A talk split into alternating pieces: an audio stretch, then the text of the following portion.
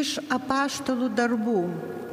Įsiliepsnojus ilgam ginčiui, Petras pakilo ir kreipėsi į apaštalus ir vyresniuosius. Mėly broliai, jūs žinote, jog Dievas jau nuo seniai išsirinko mane iš jūsų tarpo, kad pagonys iš mano lūpų išgirstų Evangeliją ir taptų tikinčiaisiais. Ir Dievas, kuris skaito žmonių širdyse, paliūdėjo jų naudai, duodamas jiems šventąją dvasę, kaip ir mums. Jis nepadarė skirtumo tarp mūsų ir jų, tikėjimu numasgodamas jų širdis. Tad kamgi gundote Dievą ir kraunate ant mokinių sprando jungą, kurio nei mūsų protėviai, nei mes patys negalėjome panešėti. Verčiau tikėkime viešpaties Jėzaus malonę, būsia išgelbėti kaip ir jie. Visas susirinkimas nutilo. Dalyviai ėmė klausyti Barnabo ir Sauliaus pasakojimo, kokių didžių stebuklingų ženklų per juos Dievas padarė pagonijoje. Jiems nutilus atsiliepė Jokūbas ir tarė, o dabar, broliai, paklausykite manęs. Simonas papasakojo, kaip Dievas pirmiausia teikėsi iš pagonių išsirinkti savo vardui tautą. Čia dera pranašo žodžiai, nes parašyta. Paskui aš sugrįšiu ir vėl atstatysiu suirusią Davido padangtę. Aš prikelsiu ją iš griuvėsių ir atnaujinsiu ją, kad imtų ieškoti viešpatės visi kiti žmonės, visos tautos, kuriuose minimas mano vardas. Taip sako viešpats, leisdamas nuo amžių tai pažinti. Todėl mandink į Dievą atsivertusių pagonių nedėra apsunkinti, o tik tai jiems parašyti, kad susilaikytų nuo susiteršimo stabams, paukota mėsa, nuo ištvirkavimo pasmauktų gyvulių mėsos ir kraujo. Mat, Mozė kiekviename mieste nuo seno turi savo skelbėjų, kurie jį kas šeštadieniais skaito sinagogose. Tai Dievo žodis. Dėkuoju. Skelbkite tautom nuostabius viešpatės darbus. Skelbkite tautoms nuostabius viešpatės darbus. Viešpačiui naują giesmę gėdokit, gėdokite jam visos šalis Gėduokite viešpačiui, šlovė duokit jo vardui. Skelbkite tautom nuostabius viešpatės darbus. Skelbkite kasdien, kad jis išganimą neša. Skelbkite pagonim jo garbingumą tautoms jo nuostabius darbus. Skelkit tautoms nuostabius viešpatė darbus. Skelkit tautoms, kad viešpats galingas valdovas, jis nepajudinamai tvirtą sukūrė pasaulį valdo tautas teisingiausiai. Skelbkite tautoms nuostabius viešpatės darbus.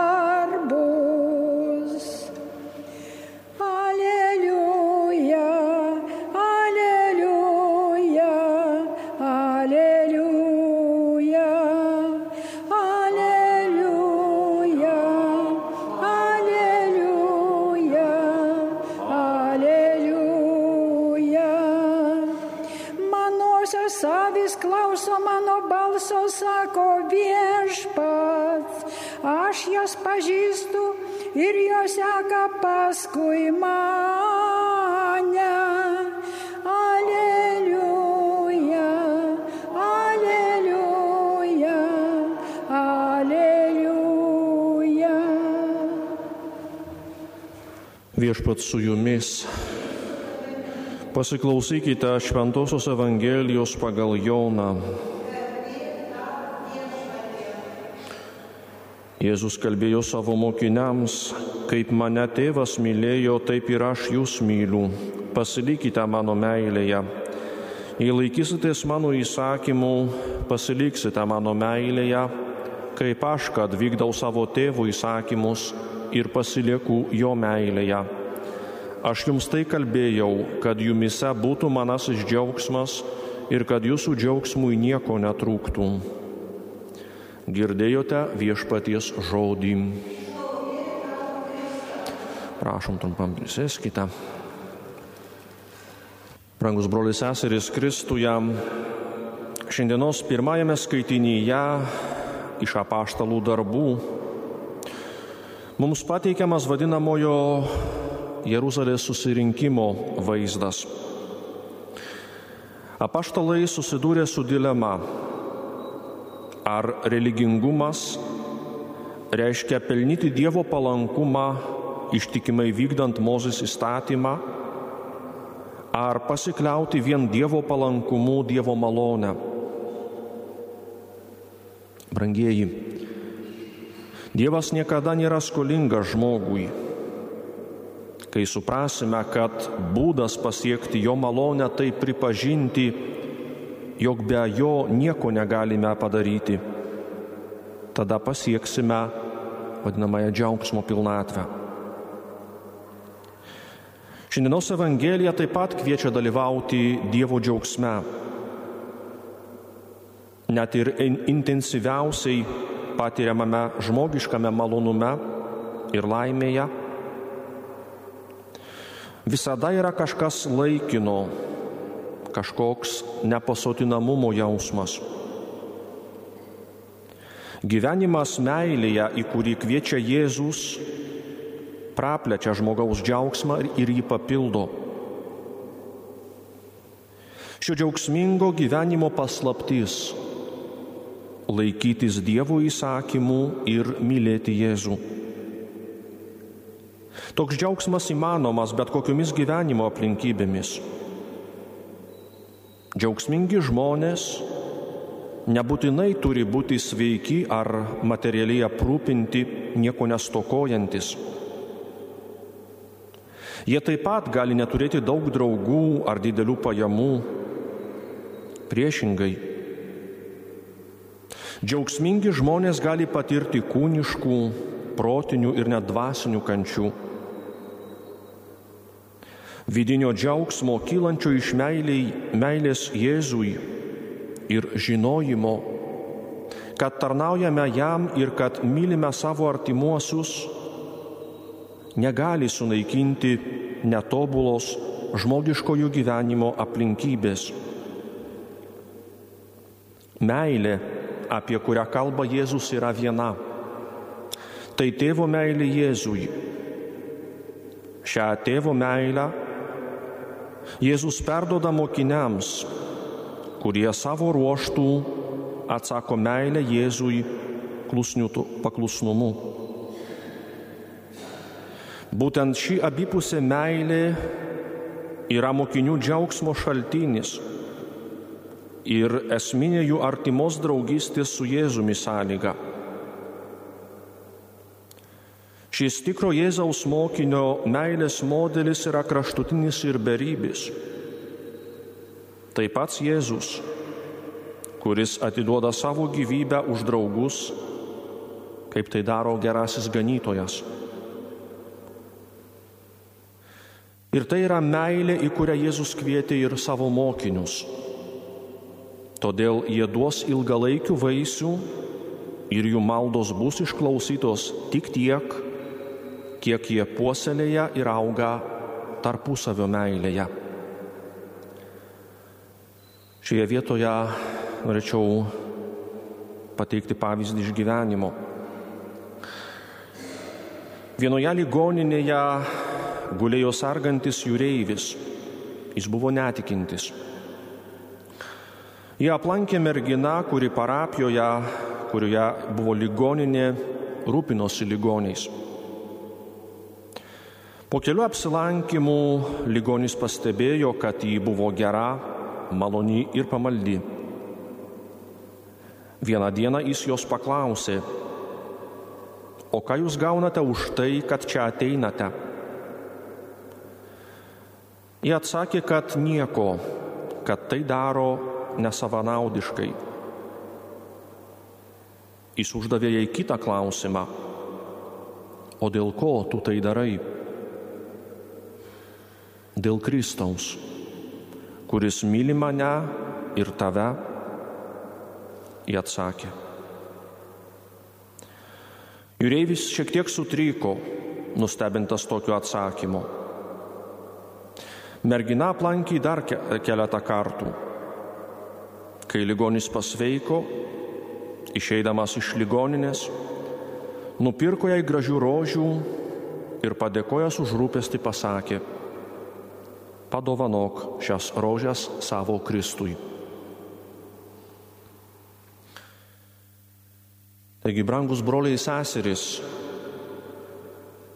kokia artima kiekvienam iš mūsų turėtų būti šiandienos Evangelija, kurioje Kristus dar kartą mums parodo, kaip krikščionis, tai yra jam ištikimas žmogus, turėtų patvirtinti savo tapatybę. Šiandieną jis kiekvieno iš mūsų klausia apie meilę Dievui ir meilę kitiems. Būtent Jėzus parodė gražiausią beribės meilės, gebančios aukotis pavyzdį. Tai meilė, kuri pranoksta bet kokią žmogišką logiką. Tai meilė, prieš du tūkstančius metų atėjusi į žemę ir mirusi ant kryžiaus už savo persekiotojus. Tai meilė galingesnė už mirtį. Iš šios beribės meilės Kristus atiduoda savo gyvybę už mus, dovanoja mums amžinai gyvenimą, trokšta mums džiaugsmo, vadina mus savo draugais tai jis išsirinko mus, kiekvieną iš mūsų. Tačiau daugelis dėja šio pasirinkimo nepriima.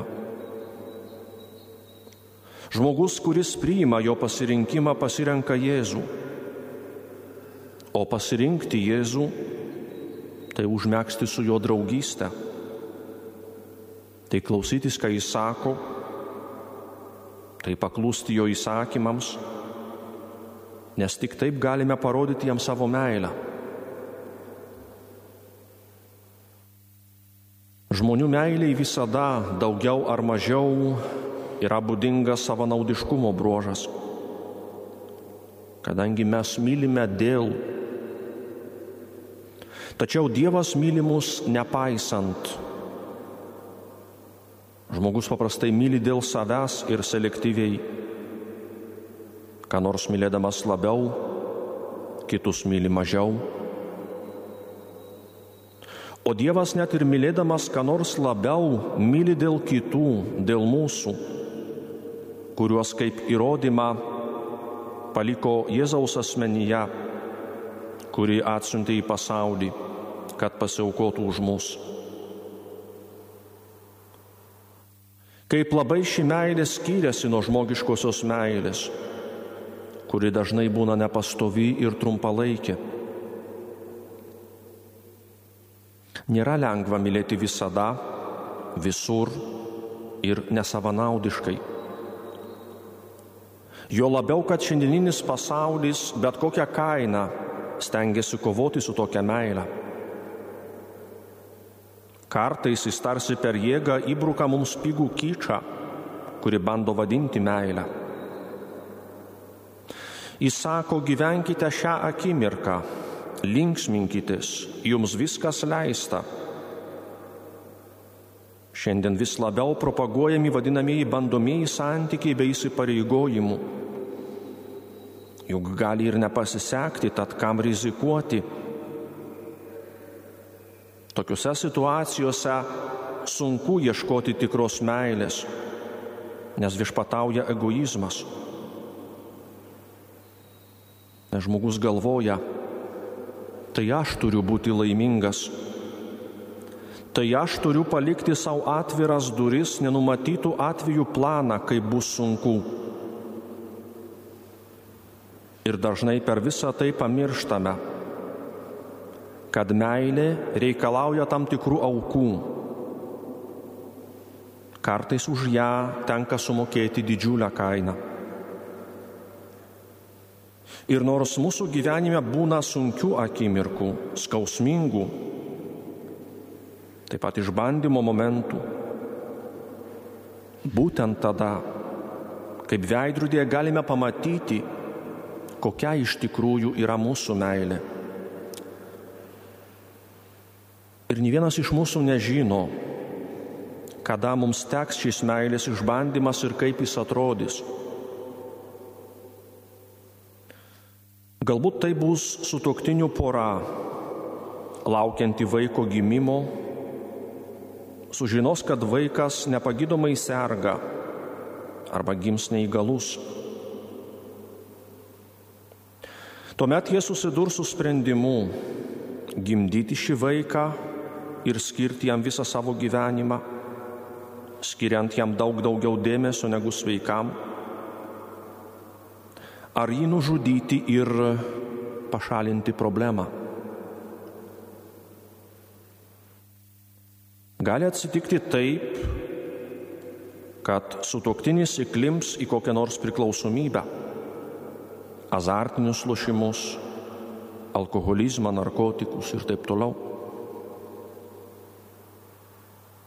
Arba gali atsitikti taip, kad kur nors darbe, tarp draugų, imsime garsiai kalbėti tikėjimo, krikščioniškosios moralės klausimais, rizikuodami susidurti su nesupratimu ir pašaipomis.